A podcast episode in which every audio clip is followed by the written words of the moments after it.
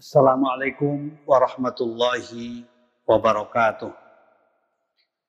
Bismillahirrahmanirrahim. Alhamdulillahirabbil alamin. Wassalatu wassalamu ala asyrafil anbiya'i wal mursalin.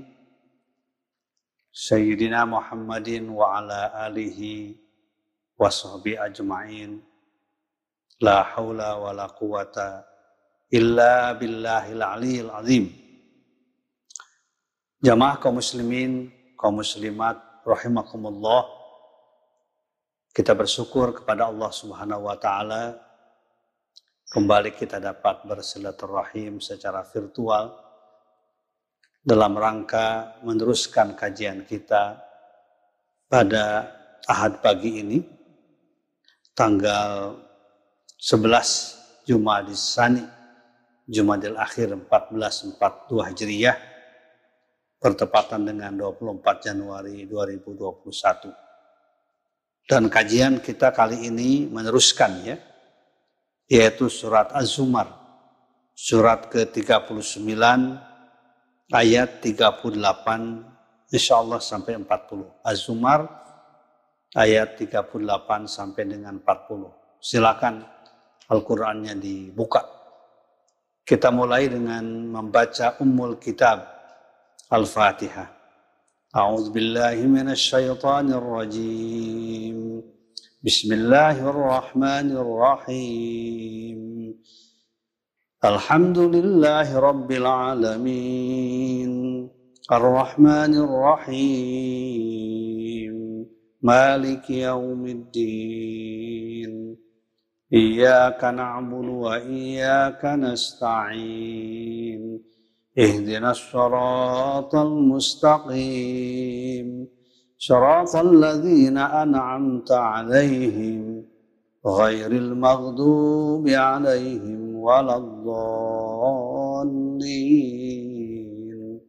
آمين. بسم الله الرحمن الرحيم. ولئن سألتهم من خلق السماوات والأرض من خلق السماوات والأرض ليقولن الله. قل أفرأيتم ما تدعون من دون الله؟ إن أرادني الله بدر هل هن كاشفات دره أو أرادني برحمة هل هن ممسكات رحمتي قل حسبي الله عليه يتوكل المتوكلون قل يا قوم اعملوا على مكانتكم إني عامل فسوف تعلمون من يأتيه عذاب يخزيه ويحل عليه عذاب مقيم صدق الله العظيم Walain sa'altahum seandainya engkau bertanya kepada mereka orang-orang yang tidak beriman Man khalaqas samawati wal ard siapa yang menciptakan langit Dan bumi. Layakulunna pasti mereka akan menjawab Allahu Allah. Kul katakanlah, itu bagaimana pendapat kalian? Mata dauna berhala yang kalian sembah. Min dunillah, dari selain Allah. In arodani, apabila bermaksud kepadaku Allah, Allah bidurrin dengan kemadaratan. Hal hunna, apakah mereka itu? Kashifatu durri, bisa menghilangkan kemadaratan tersebut. Au arodani atau bermaksud Allah kepada aku birahmatin dengan rahmat. Hal hunna apakah berhala-berhala itu mumsikatu rahmati dapat menahan rahmati rahmat dari Allah. Kul katakanlah hasbiya cukuplah kepadaku. Allahu Allah alaihi hanya kepada Allah. Ya tawakkalu hendaknya bertawakal. Berserah diri, pasrah al-mutawakkilun, orang-orang yang bertawakal. Kul katakanlah ya qaumi wa qaumku i'malu silakan kalian berbuat ala makanatikum di tempat-tempat kamu sekalian sesuai dengan keadaan kamu sekalian. Ini semuanya aku amilun juga berbuat. Fasofa maka fasofa ta'lamun maka kalian akan mengetahui man siapa yati yang datang kepadanya azabun azab yukhzihi yang menghinakan azab kepadanya. Wa yahillu dan turun alih kepadanya azab mukim azab yang abadi yang kekal. Sadaqallahul azim. Jamaah kaum muslimin kaum muslimat rahimakumullah. Ayat ini dimulai dengan walain sa'al tahum. Man khalaqas samawati wal ardo layakulun Allah. Dimulai andaikan, andaikan engkau bertanya kepada mereka, Siapa yang menciptakan langit dan bumi? Pasti mereka orang yang mengatakan tidak percaya kepada Allah, pasti mereka dalam hatinya akan menjawab yang menciptakan itu adalah Allah Subhanahu wa taala. Melalui ayat ini Allah menjelaskan bahwa salah satu hal yang utama yang pokok dalam kehidupan manusia adalah naluriah ketuhanan. Percaya kepada Allah, percaya kepada Tuhan. Jadi tidak ada sebenarnya orang yang ateis. Orang yang anti Tuhan. Itu hanya pengakuan saja. Karena faktor kekuasaan. Karena faktor kekayaan. Karena faktor ilmu pengetahuan juga. Sehingga dia merasa tidak butuh kepada Tuhan. Dia tidak butuh kepada Allah. Allah sudah meninggal. God is dead seperti terkenal di dunia barat. Tuhan sudah mati. Ya, kita tidak perlu kepada Allah. Allah itu tidak ada. Itu pengakuan-pengakuan yang dilontarkan oleh orang-orang yang tidak beriman. Karena ada sesuatu. Bahkan karena kekuasaan orang mengatakan saya Tuhan yang patut disembah. Bukan Tuhan yang disembah oleh para nabi. Seperti Fir'aun mengatakan kepada rakyatnya, Ana rabbukumul a'la. Aku adalah Tuhan kalian al-a'la yang tinggi, yang maha tinggi. Kenapa? Karena kekuasaan sudah begitu dahsyat mempengaruhi kehidupannya. Sehingga orang lain selalu ingin tunduk patuh kepadanya. Dianggap sebagai Tuhan. Dan ini naluri manusia percaya kepada Tuhan, percaya Allah. Itu adalah sudah ada dalam alam azali ya. Seperti digambarkan pada surat uh, Al-A'raf ayat 172. Ya kita ingatkan kembali walaupun ini sering kita baca ya. Tapi kita ingatkan kembali bahwa naluri kita, naluri umat manusia itu percaya kepada Allah. Hanya karena faktor-faktor tertentu yang menyebabkan tertutupnya naluri tersebut, hitam naluri itu. Ya, tidak bisa bergerak, tidak bisa bertanya, tidak bisa menyampaikan cahaya, tidak bisa menerima cahaya dari Allah Subhanahu wa taala. Ah, surat Al-A'raf ayat 172. Wa id akhadha rabbuka min bani Adam min dhuhurihim dzurriyyatahum. Ingatkan ketika Tuhanmu ya mengambil dari Bani Adam, dari tulang tunggung mereka, dzurriyyatahum pada anak turunan mereka.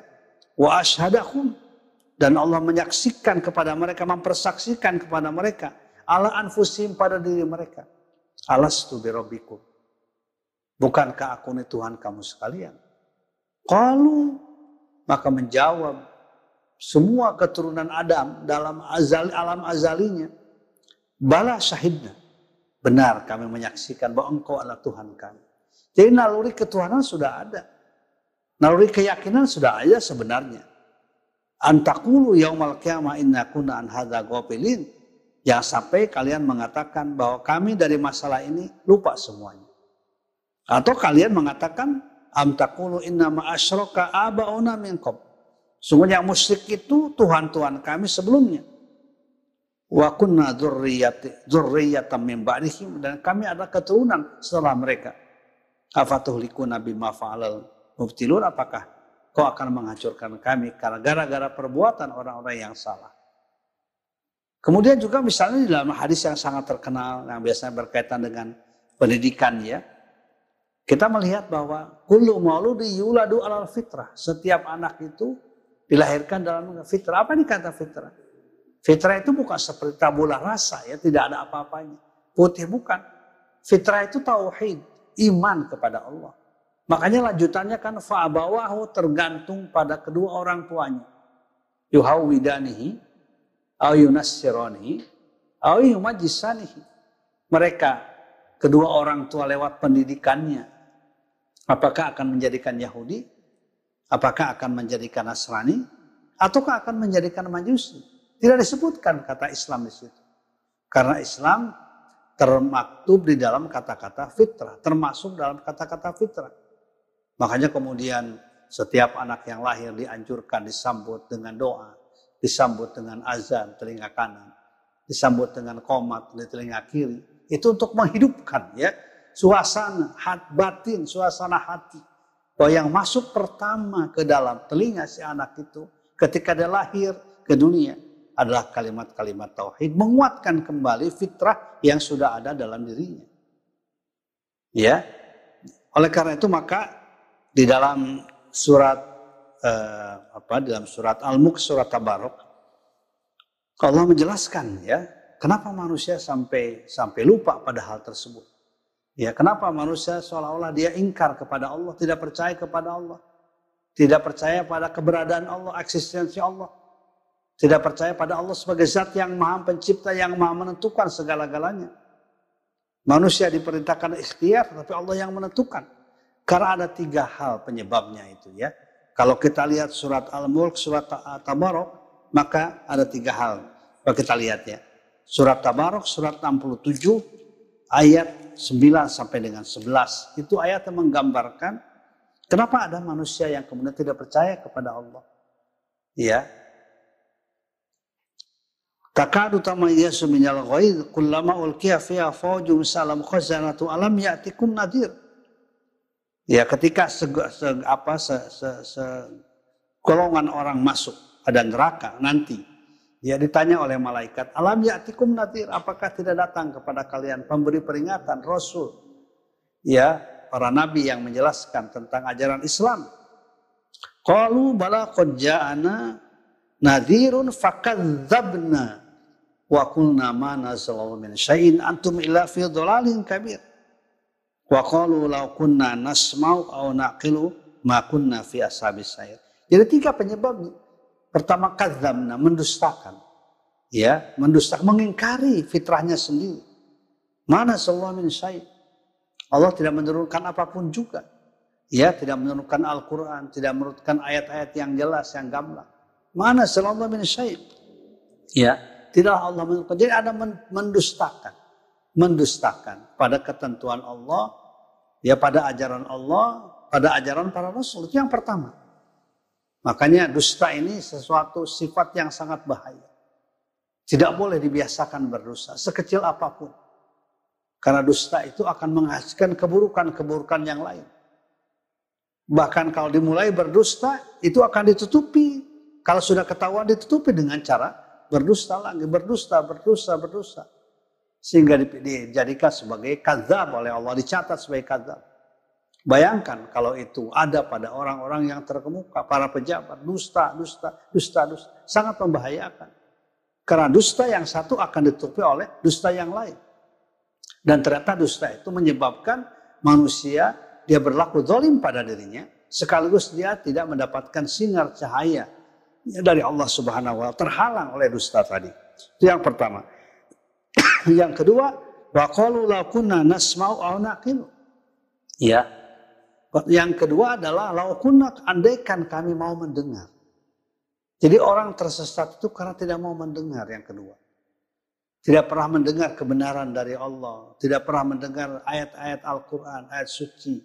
Ya kalamullah yang begitu indah, yang begitu meresap ke dalam batin tidak pernah mendengar dakwah, dakwah Islamiyah, ya, atau sengaja tidak mau mendengar kalimat-kalimat toyibah, sehingga karena tidak pernah mendengar tidak ada yang masuk ke dalam telinganya. Dan Nabi mengatakan malam tadkhul ala qalbihi mau'izatun salah satu yamin mata qalbu. Barang siapa yang tidak masuk, sengaja tidak mau memasukkan nasihat pada dirinya selama tiga hari. Apa yang akan terjadi? Mata kalbu. Maka akan mati hatinya. Tidak sholat, tidak berzikir. Ya, tidak mau ucapkan kalimat tauhid, tidak mau mendengar. Selama tiga hari, mata kalbu. Maka akan mati hatinya. Hatinya itu akan keras bagikan batu, bahkan lebih keras daripada batu. Menolak semua kebenaran yang ia dengar dari Allah Subhanahu wa taala. Wa qalu nasma'u. Kemudian au. Atau kami mau berpikir. Ya. Jadi ternyata bahwa orang-orang sesuatu karena tidak pernah berpikir, tidak pernah berpikir dengan baik. Jadi berpikir itu penting sekali, berpikir yang baik, berpikir yang jujur, dia berpikir berdasarkan ayat-ayat Allah, berdasarkan ayat-ayat yang baik yang bersifat kauniyah, ya, di alam semesta itu maupun juga ayat-ayat yang bersifat tanziliyah, menghantarkan kepada kesadaran tauhid. Tapi ketika kita tidak mau berpikir masa bodoh, apa yang terjadi terjadilah, ya terserah aku. Ya, dikendalikan oleh hawa nafsu, kemudian tidak pernah mendengar, apalagi disertai dengan mustakan, maka orang itu akan menjadi orang yang sesat dan bahkan juga menyesatkan. Tidak akan menerima hidayah dari Allah Subhanahu wa taala, bahkan juga seolah-olah dia menolak keberadaan Allah, eksistensi Allah, kepercayaan kepada Allah. Jadi sekali lagi naluri manusia percaya kepada Allah.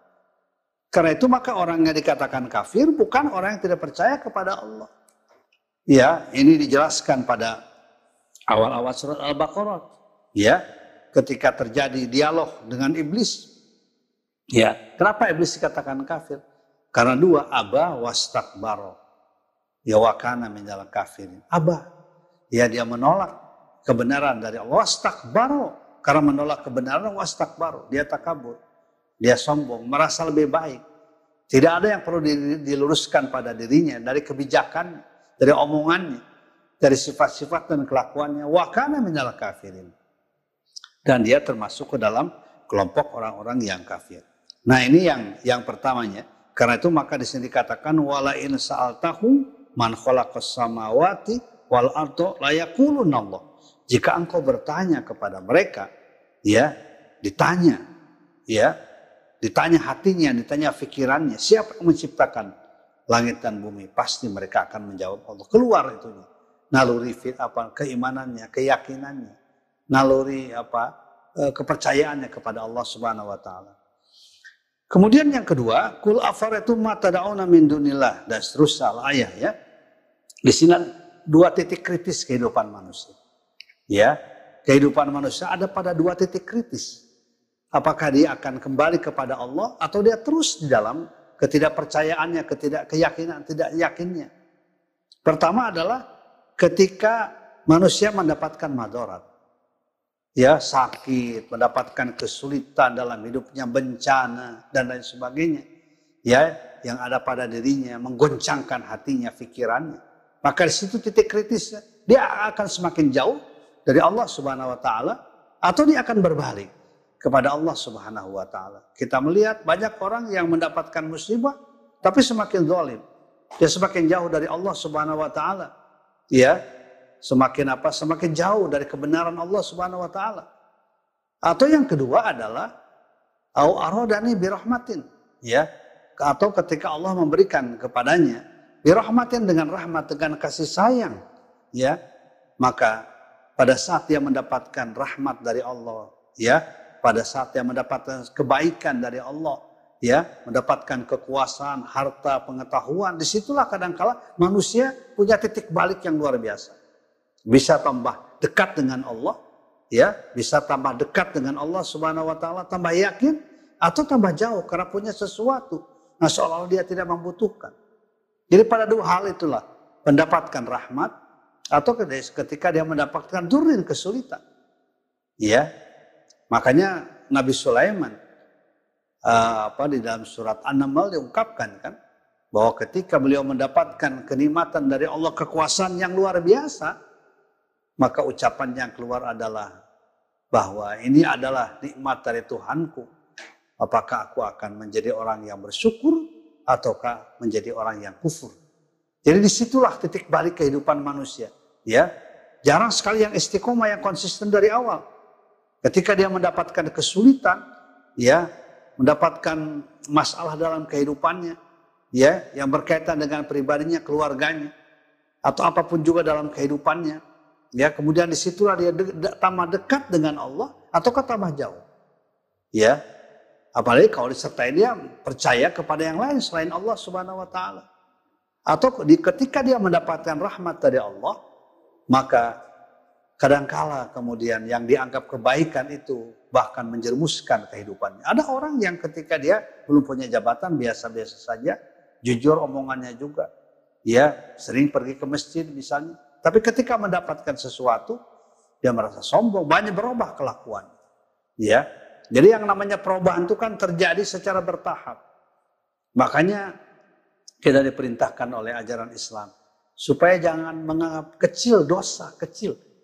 Ya, karena biasanya dosa besar terjadi karena menganggap enteng dosa kecil.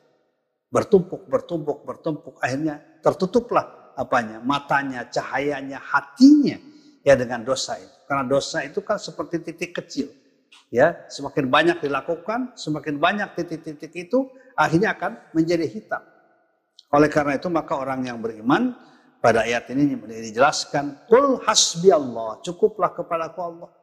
Ketika aku mendapatkan rahmat, ketika aku mendapatkan kesulitan, aku kembalikan kepada Allah Subhanahu wa taala. Di sinilah yang disebut dengan oleh junjungan kita Rasulullah SAW. Ketika kita mendapatkan kesulitan, kita bersabar, kita tabah, kita ulat, kita tahan uji. Ya, kita ikhtiar, ya. Dan ketika kita mendapatkan kenikmatan, ya, berbagai kenikmatan, berbagai fasilitas, maka kita menjadi orang yang bersyukur. Itulah yang akan menyebabkan kita selamat. Dan itu yang dikatakan tawakal. Ya, tawakal itu artinya mengembalikan semua persoalan kepada Allah disertai dengan ikhtiar yang sungguh-sungguh. Kul hasbi Allah alaihi yatawakkalul mutawakkilun. Hanya kepada Allah lah hendaknya bertawakal orang-orang yang bertawakal. Kalau ada orang-orang yang dia tetap ya dalam dalam ketidakpercayaannya kepada Allah, bahkan juga menyebarkan ketidakpercayaan itu kepada yang lain, ya, ya orang-orang kafir mengajak ya kaumnya untuk tidak percaya kepada Allah, tidak percaya kepada Rasulullah SAW, tidak percaya kepada Al-Quran, ya, maka ayat ini jawabannya. Kul ya qaumi malu ala makanatikum. Silakanlah berbuat sekendak kalian. Sesuai dengan keadaan kalian. Sesuai dengan persepsi kalian. Ala makanatikum. Ya. Sesuai dengan keadaan kalian, kondisi kamu sekarang silakan. Ya. Kul ya qaumi malu ala makanatikum. Inni amilun. Kami juga akan berbuat. Begitu kata Allah. Inni amilun. Kami juga akan berbuat. Ya. Sesuai dengan apa? Kehendak kami. Ya, orang-orang berusaha menghilangkan ajaran Islam. Tapi kan tidak demikian. Ya, Allah menyempurnakan ya ajaran Islam itu. Ya, memberikan pertolongan kepada orang-orang yang terus-menerus istiqomah dalam dakwah. Walaupun banyak hambatan-hambatan yang dikatakan Islam fobia, Islam ini, Islam ini dibuat benci sedemikian rupa pada kalimat-kalimat Islam yang baik. Tapi Allah ya apa menghilangkan itu semua dengan cara memunculkan orang-orang yang asalnya benci terhadap Islam. Kemudian mereka tertarik pada Islam, tertarik pada Al-Quranul Karim. Makanya tidak boleh putus asa. Kita berbuat kebaikan tidak boleh berputus asa. Ya, ada Allah Subhanahu wa taala yang melihat kita. Ya, yang akan melakukan suatu sesuai dengan kehendaknya. Alaihi tawakkalul mutawakkil. Kalau kita mendapatkan kesulitan, ya, kalau kita mendapatkan tantangan, maka kita harus kembali kepada Allah Subhanahu wa taala. Alayya tawakkalul mutawakkilun. Fasawfa ta'lamun. Ya, kul ya qaumi malu ala makanatikum inni amil. Fasawfa ta'lamun. Kalian nanti akan tahu siapa orang yang mendapatkan azab dari Allah, mendapatkan azab yang mukimun, ya, azab yang kekal abadi dan siapa yang akan diselamatkan oleh Allah Subhanahu wa taala. Kita harus yakin bahwa Allah akan menolong setiap orang yang beriman. Allah akan menolong setiap orang yang selalu apa? menegakkan, meneguhkan dirinya ya untuk berbuat yang terbaik dalam kehidupan ini.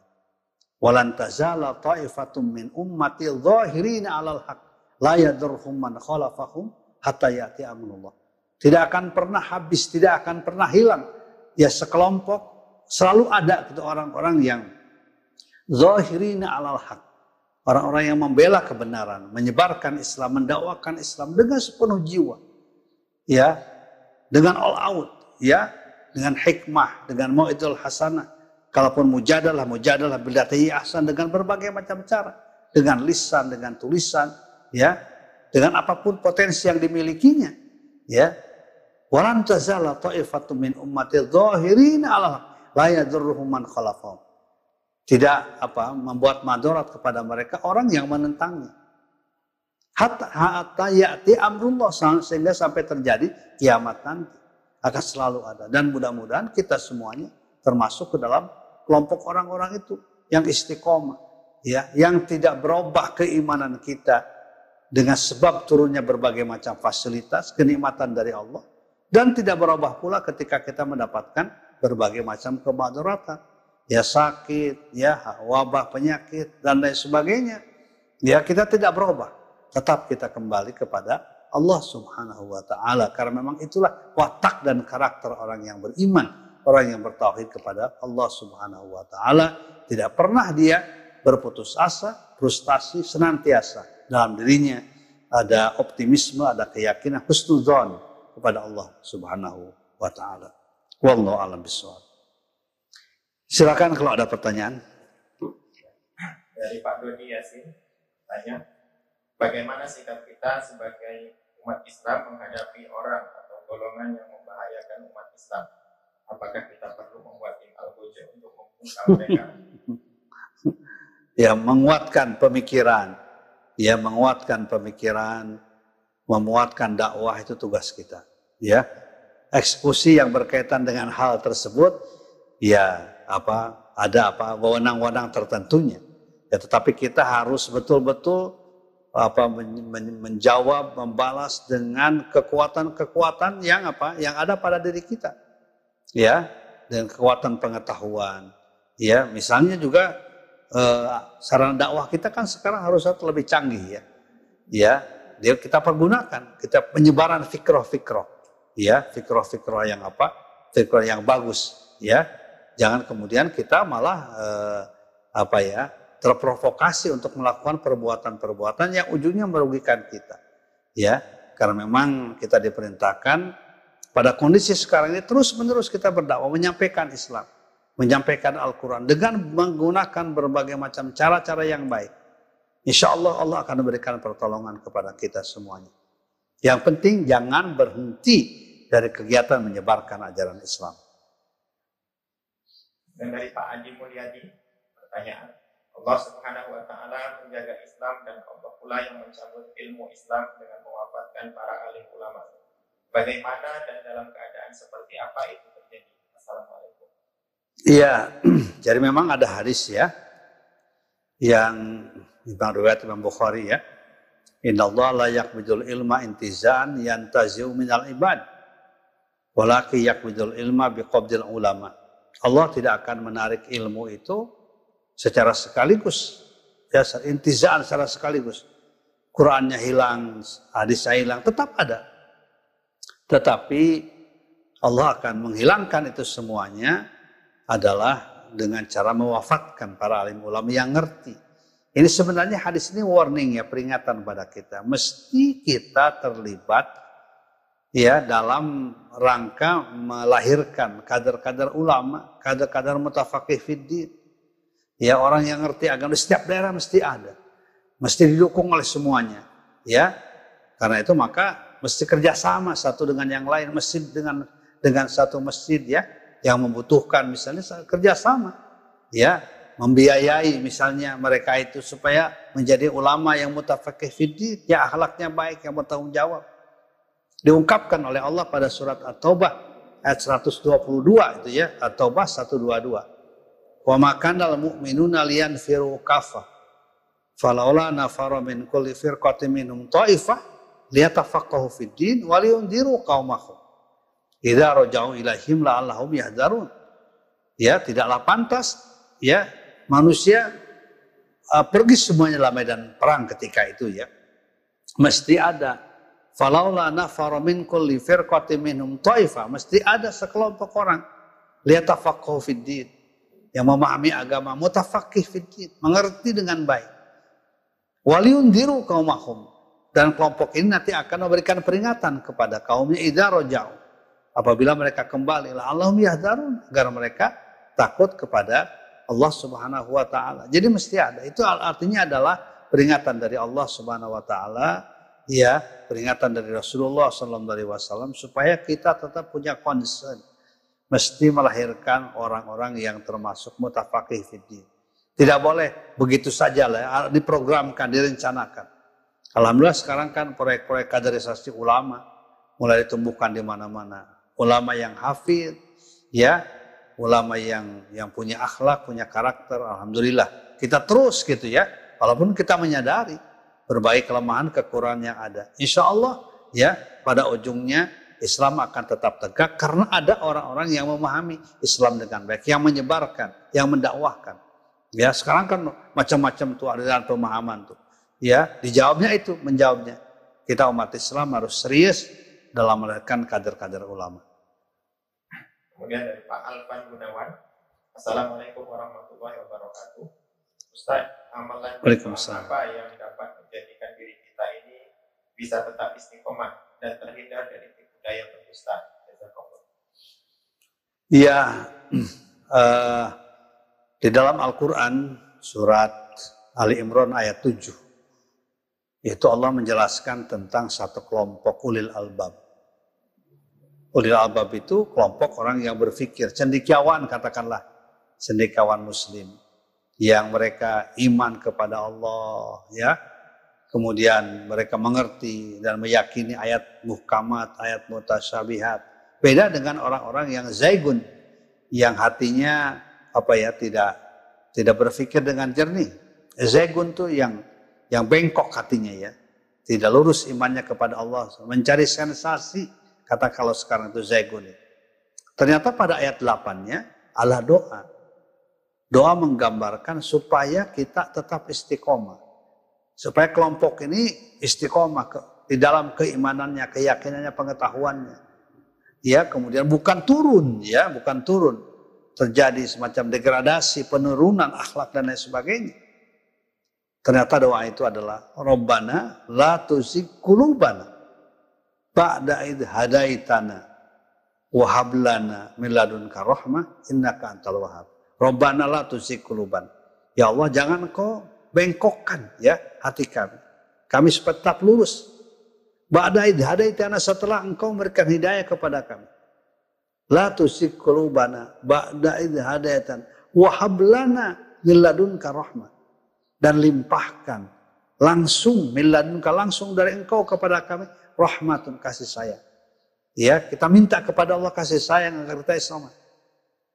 Ya innaka antal wahab, sungguhnya engkau adalah zat yang maha pemberi ya kepada hambanya. Jadi karena itu, itu kalau doanya antara lain ya. Rabbana la tuzigh qulubana ba'da hadaitana wa hab lana innaka antal wahhab. Sabit qalbi ala dinika wa ala ta'atika subhanaka inni kuntu minadz zalim. Sabit qalbi. Ya Allah mantapkan ya hatiku.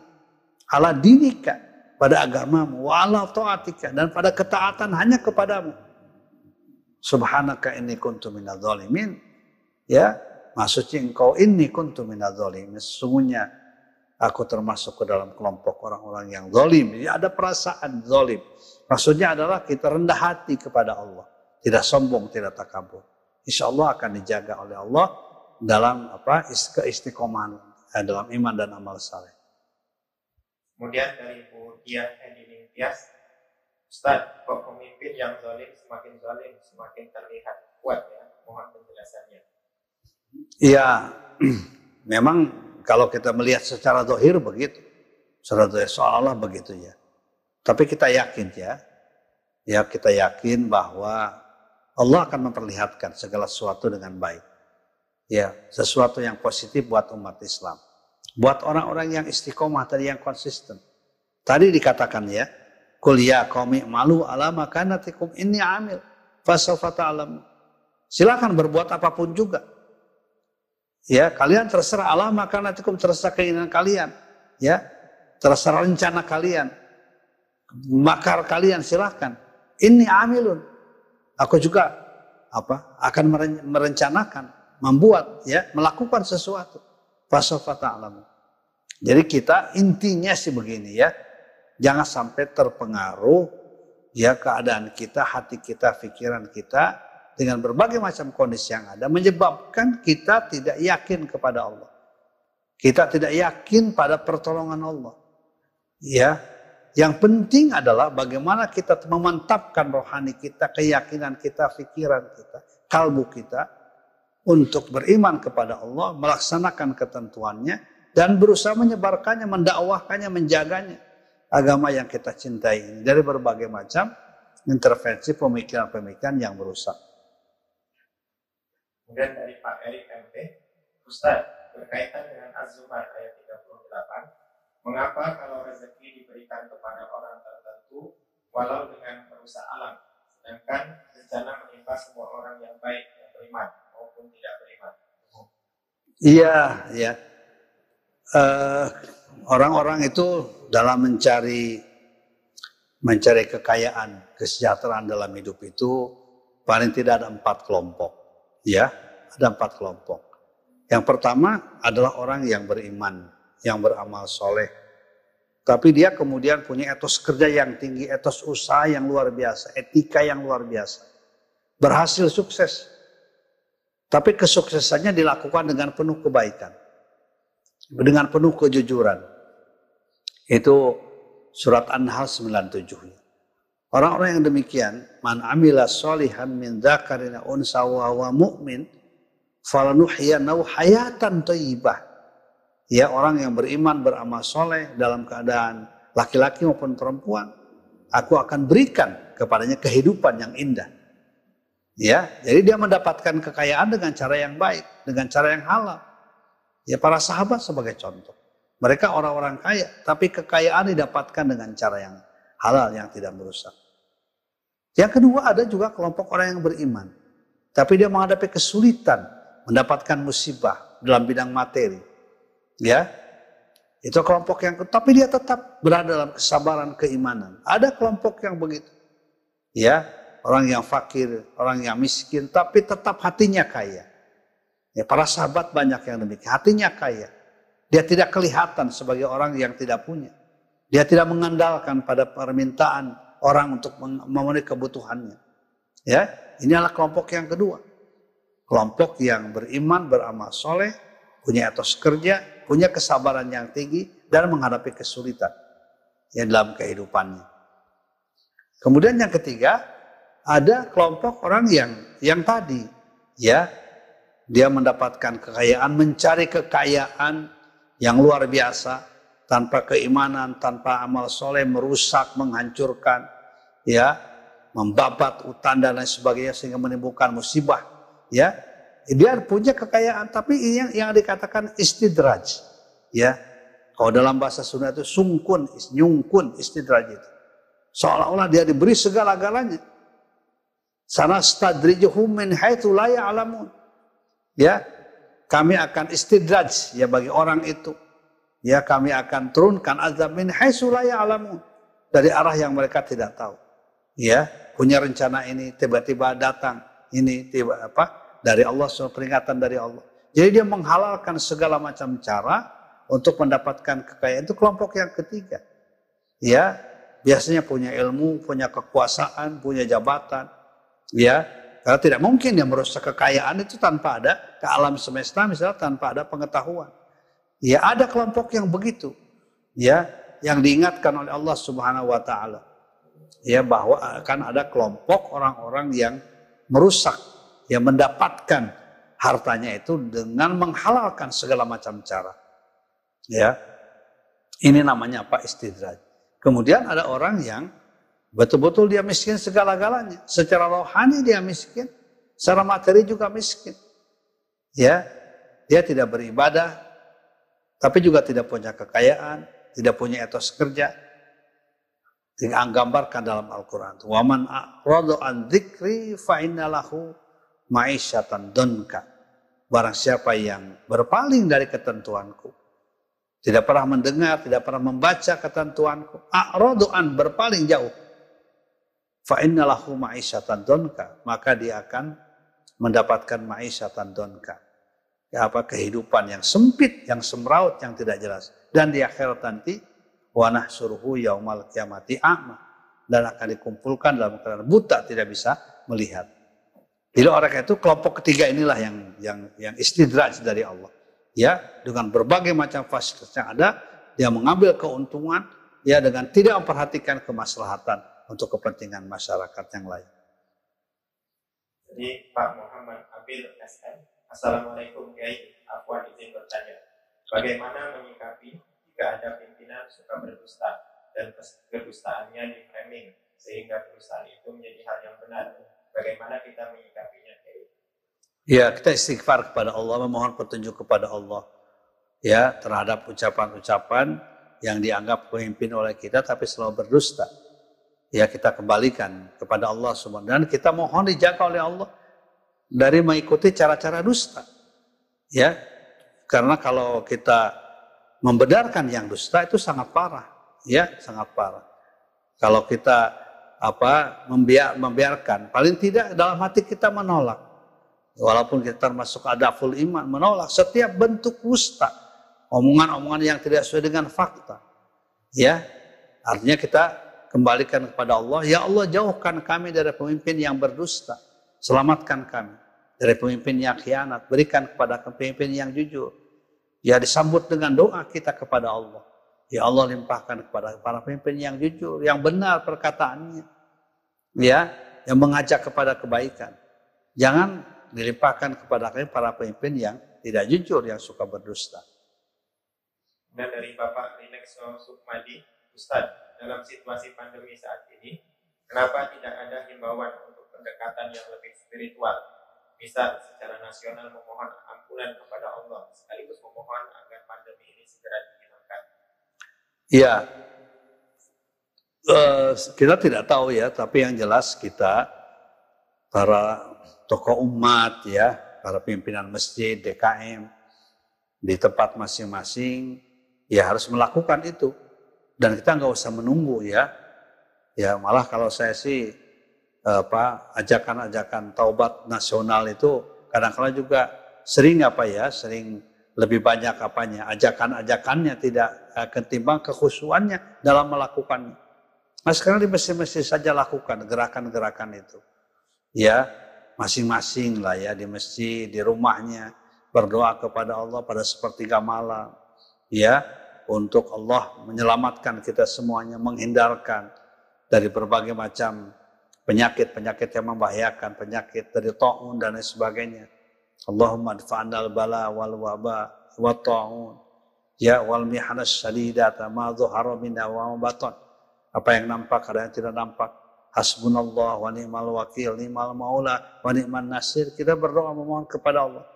Jadi gerakan-gerakan tahajud yang secara sir secara rahasia hanya kita yang tahu dengan Allah Subhanahu wa taala ya malah gerakan-gerakan yang sifatnya ingin kelihatan gitu ya, ada tobat. Malah menurut saya sekarang itu harus tidak tidak perlu terlalu banyak dilakukan. Ya. Setiap orang sekarang harus banyak merenung muhasabah ala dawab ya untuk apa melakukan yang terbaik, berbicara, berkomunikasi dengan Allah Subhanahu wa taala. Ya. Jadi jadi karena itu sekali lagi mudah-mudahan ini yang didengar oleh Allah Subhanahu wa taala dalam kondisi kita yakin Ya Allah wa antum muqinuna bil ijabah. Yakinlah kalian kepada Allah wa antum muqinuna bil ijabah. Dalam keadaan kalian yakin doanya akan dikabulkan oleh Allah Subhanahu wa taala. Ya. Dari Pak Saiful Falak, izin bertanya Kiai, benarkah ada dalil yang menerangkan bahwa kalau ada ulama yang bisa ini maka akan terjadi bencana? Iya, artinya apa ya?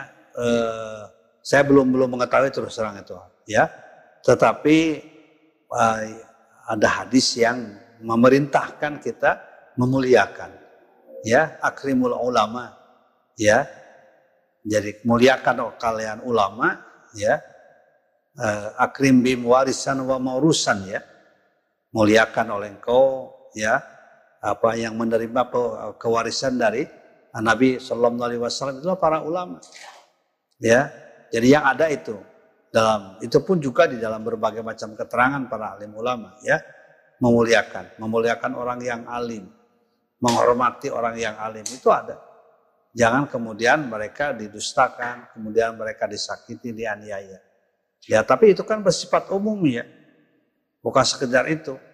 Jadi siapa saja yang berlaku zalim pada orang lain, apalagi terhadap para alim ulama, ya, yang istiqomah, yang konsisten melaksanakan tugas amar ma'ruf nahi munkar, ya dia akan berhadapan dengan azab Allah Subhanahu wa taala di dunia maupun ya kita yakin itu. So, seperti sering saya sampaikan ada dua dosa yang akan dipercepat oleh Allah. Tapi kan percepat dalam pengertian Allah ya. Bukan percepat dalam pandangan kita. Siapa mereka itu? Pertama adalah orang yang berlaku buruk sama orang tuanya. Yang kedua adalah orang-orang yang berlaku zalim. Orang-orang yang... Makanya kita lihat pemimpin yang zalim kan tidak pernah ujungnya itu baik. Selalu ujungnya itu kelihatan su'ul khatim. Ya, kelihatan itu menderita dalam ujung kehidupan. Ya, jadi karena itu kita yakin saja begitu ya. Kita serahkan sepenuhnya kepada Allah Subhanahu wa taala. Dari Pak Afan Hermawan, Assalamualaikum Ustaz. Kenapa institusi Islam cenderung kurang berkembang, padahal Muslim adalah mayoritas? Apakah karena tidak sadar bahwa Allah bersama kita, tidak istiqomah, tidak tawakal? Iya, banyak hal ya eh, kalau apa kalau di, diurut ya penyebab-penyebabnya ya. Ada penyebab internal dan penyebab eksternal. Penyebab internal memang kita akui pemahaman kita sebagai umat Islam terhadap Islam yang semulia ya belum tersosialisasi dengan baik. Misalnya kalau kita bicara ekonomi Islam, kita bicara politik Islam, ya kita bicara pendidikan Islam, itu kan masih masih asing bagi sebagian masyarakat kita. Yang namanya ekonomi ya sama saja ekonomi syariah ataupun yang bukan syariah. Ya, karena kalau tokohnya juga bilang begitu. Politik Islam, ya Islam politik kadang-kala juga begitu, masih dianggap sama. Politik akhlak ya dan lain sebagainya. Islam tidak pernah mengatur politik. Ya, demikian pula misalnya masalah pendidikan. Jadi perlu ditingkatkan literasi ya pemahaman dari umat ini terhadap ajaran Islam yang kafah, yang sumulia, yang mengerti ya terhadap ajaran Islam. Nah itu yang pertama. Yang kedua memang kita harus melahirkan SDM, SDM yang berkualitas. SDM, SDM yang apa? Yang mereka faham terhadap Al-Quran. Mereka faham terhadap Islam, disertai pengetahuan yang yang baik dalam berbagai macam bidang kehidupan. Ya, punya keahlian-keahlian tertentu, tapi juga punya akhlakul karimah dan didukung oleh kita semuanya, ya, oleh lingkungan-lingkungan kita di mana pun dia berada supaya berkembang. Ya, sekarang sudah alhamdulillah institusi Islam banyak yang baik ya. Ya SDS saja kan kita lihat ada SD IT, SMP IT, SMA IT. Ya, kemudian juga eh, lembaga ekonominya perbankan syariahnya, asuransi syariahnya, lembaga zakatnya, lembaga wakafnya.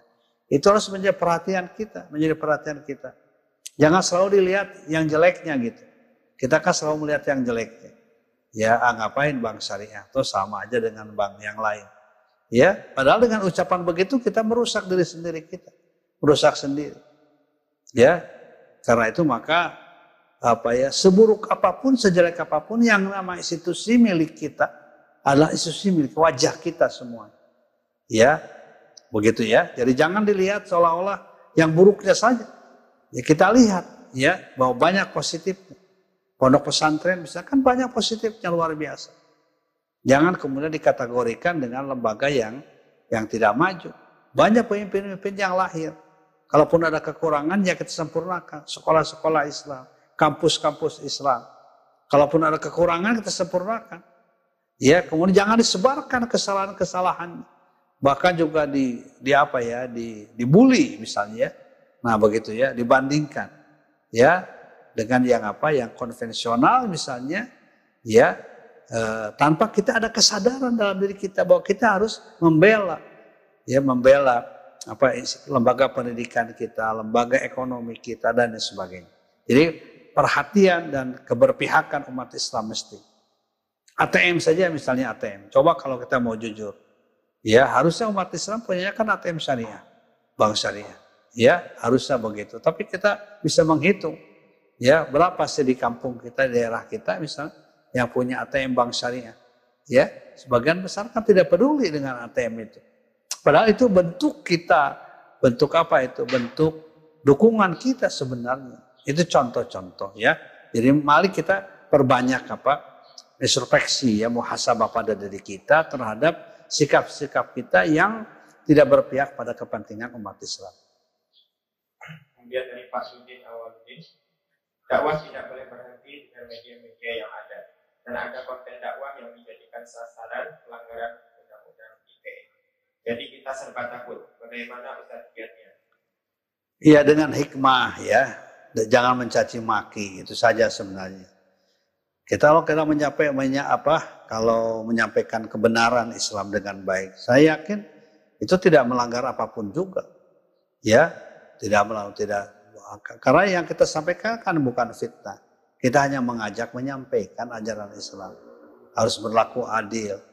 Ya, jangan berlaku zalim. Itu kan sesuatu yang bersifat universal. Yang bersifat ke, bahkan juga sejalan dengan nilai-nilai kemanusiaan.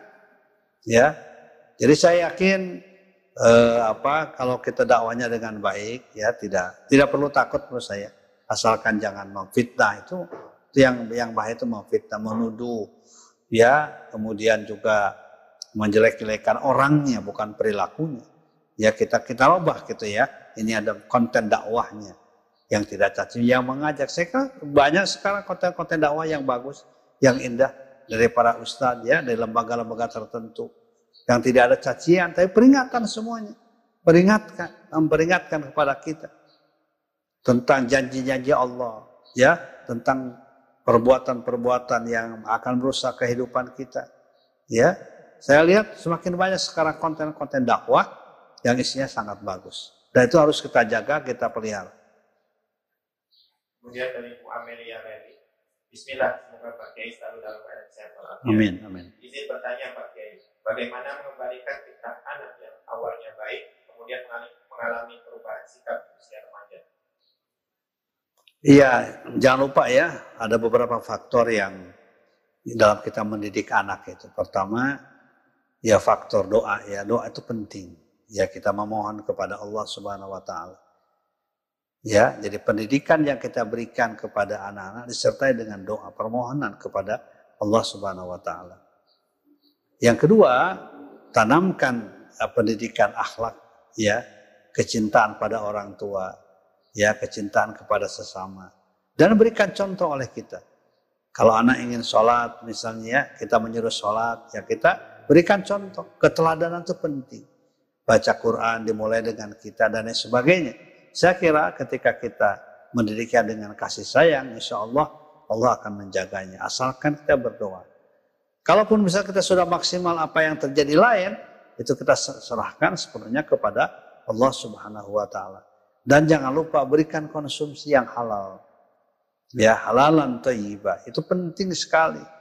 Anak-anak kita, kita sendiri gitu ya. Kita sendiri memakan, mengkonsumsi makanan yang jelas-jelas halal. Bukan yang haram. Baik cara mendapatkannya maupun bendanya. Ya Yuhan nasu, ya kulu mimma ardi halalan thayyiban. Wahai manusia makanlah oleh kalian ya rizki atau benda yang halal dan thayyib. Ya ayyuhalladzina amanu kulu min thayyibati ma razaqnakum washkurulillahi in kuntum iyyahu. Ya, makanlah oleh kita makanan yang terbaik. Ya, jadi yang terbaik bukan sekedar dari lahirnya, gizinya dan sebagainya, tapi juga cara mendapatkannya. Tidak dikatakan baik, misalnya gizinya baik, segala macam baik, tapi hasil korupsi. Itu bukan bukan makanan yang toyib itu. Ya, bukan makanan yang halal itu akan merusak tingkah laku dan perilaku. Dan dari Putu Wijayati, Pak Ustadz izin bertanya, apakah salah satu penyebab musibah di tanah air antara lain karena umat Islam banyak berpecah belah dan aliran sesat juga berkembang mengkhawatirkan di tanah air ini?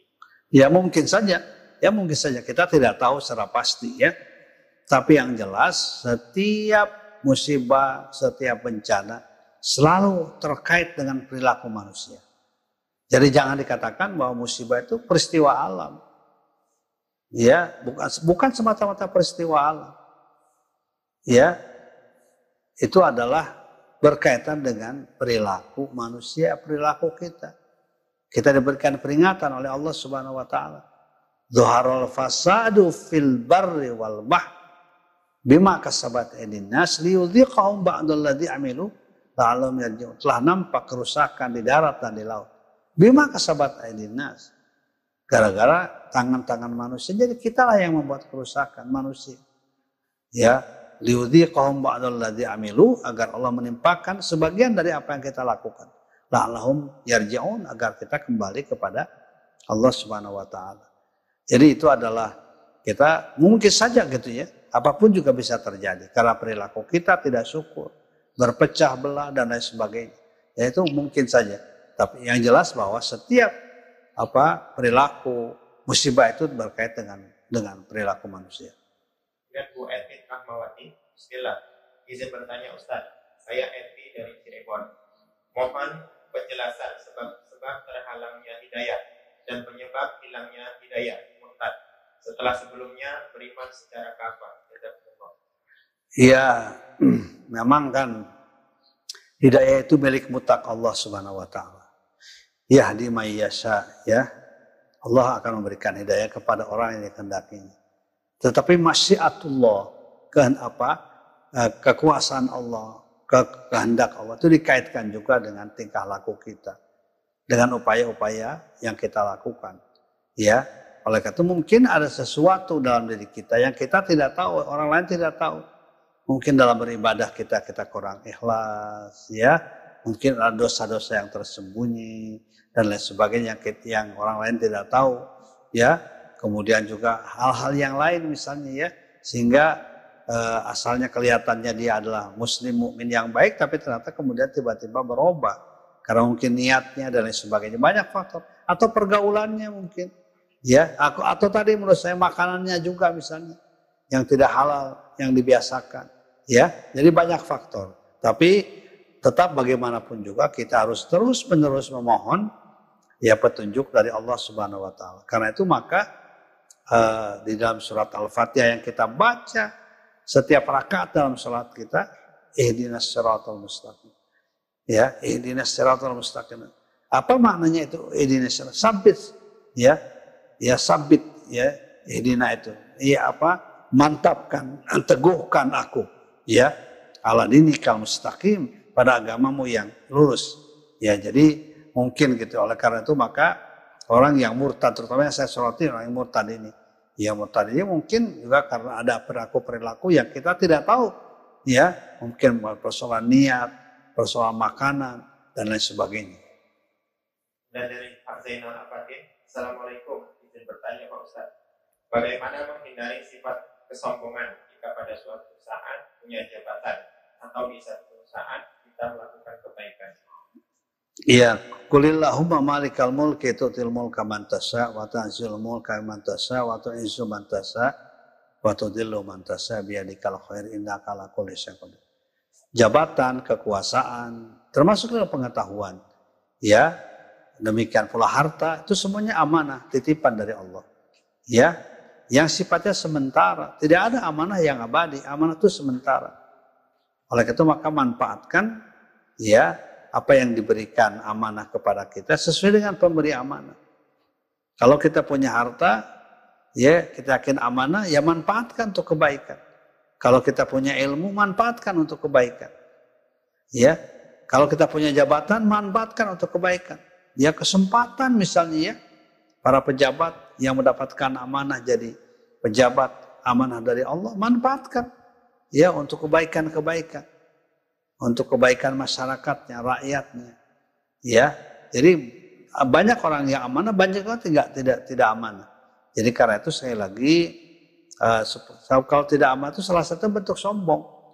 Jadi dijadikan kesombongan, kekayaan, harta, jabatan. Akhirnya tidak ada manfaatnya, tidak ada gunanya. Dan biasanya ketika sudah pensiun, ya dia akan menderita. Menderita ya, menderita kehidupannya.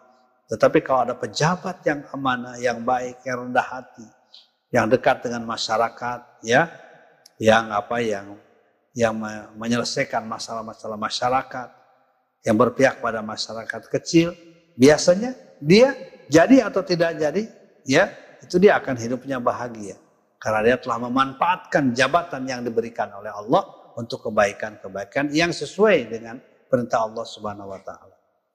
Dan dari Mulis Mutiara, Ustaz, bagaimana caranya sebagai muslim kita menyikapinya? Karena sekarang di mana-mana khususnya di daerah-daerah terpencil yang minus secara minus sulit secara ekonomi banyak sekali terjadi kristenisasi.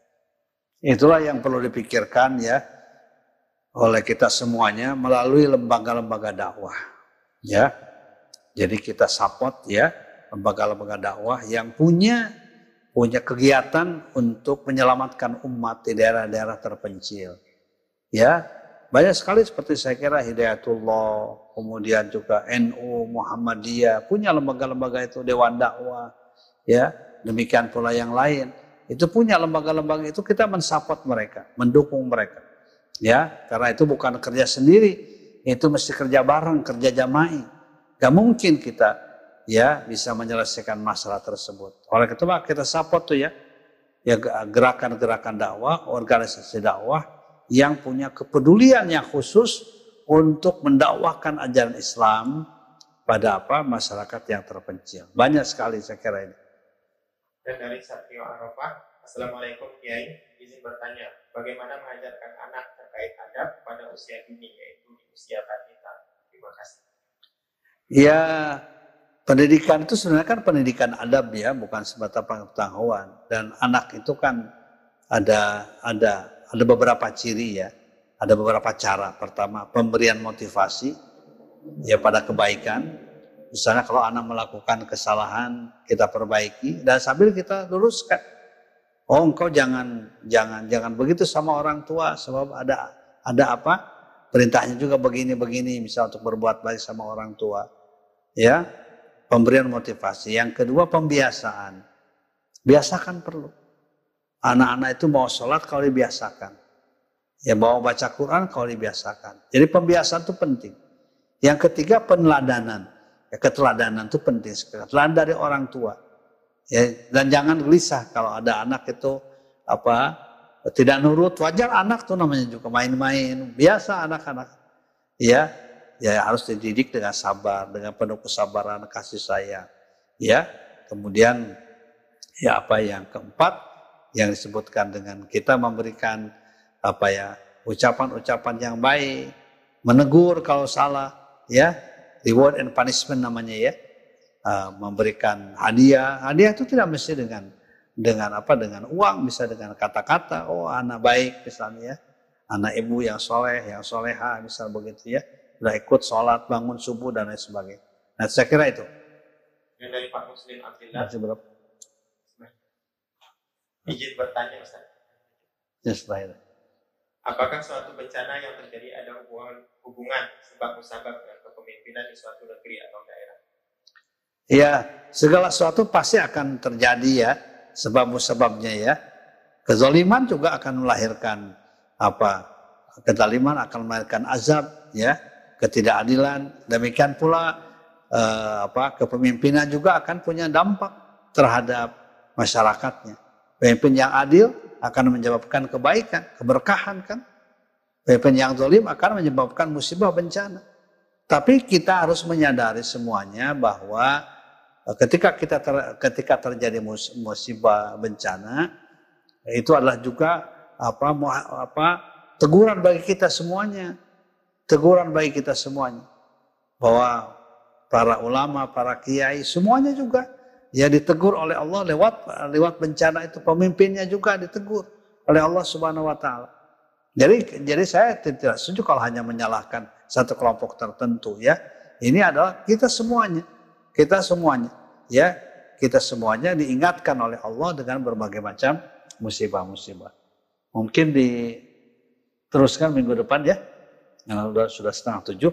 Terima kasih nih atas perhatiannya. Alhamdulillah. Mudah-mudahan mendapatkan ilmu yang bermanfaat. Dan mudah-mudahan juga kita selalu dilindungi Allah Subhanahu wa taala ya diselamatkan kesehatan jasmani kita, kesehatan rohani kita, ibadah kita. Dan kita doakan juga teman-teman kita, sahabat-sahabat kita, saudara-saudara kita yang sekarang sedang sakit ya, baik COVID-19 maupun juga karena penyakit yang lain, mudah-mudahan disembuhkan oleh Allah Subhanahu wa taala. Saya ingin mengajak para jamaah ya untuk membacakan umul kitab Al-Fatihah terhadap saudara kita, teman kita, sahabat kita, keluarga kita yang sekarang sedang menderita sakit dan juga yang meninggal dunia belum lama ini. Al-Fatihah. A'udzubillahi minasyaitonirrajim. Bismillahirrahmanirrahim. Alhamdulillahirabbil alamin. Ar-Rahmanirrahim. Maliki yaumiddin. Iyyaka na'budu wa iyyaka nasta'in. Ihdinas siratal mustaqim. Siratal ladzina an'amta 'alaihim ghairil maghdubi 'alaihim waladdallin. Mari kita akhiri pengajian kita pada hari ini dan membaca doa kifarat majlis. Subhanakallahumma wa bihamdika asyhadu an la ilaha illa anta astaghfiruka wa atubu ilaih. Insyaallah kita ketemu pada hari Ahad yang akan datang. Alhamdulillah. Assalamualaikum warahmatullahi wabarakatuh.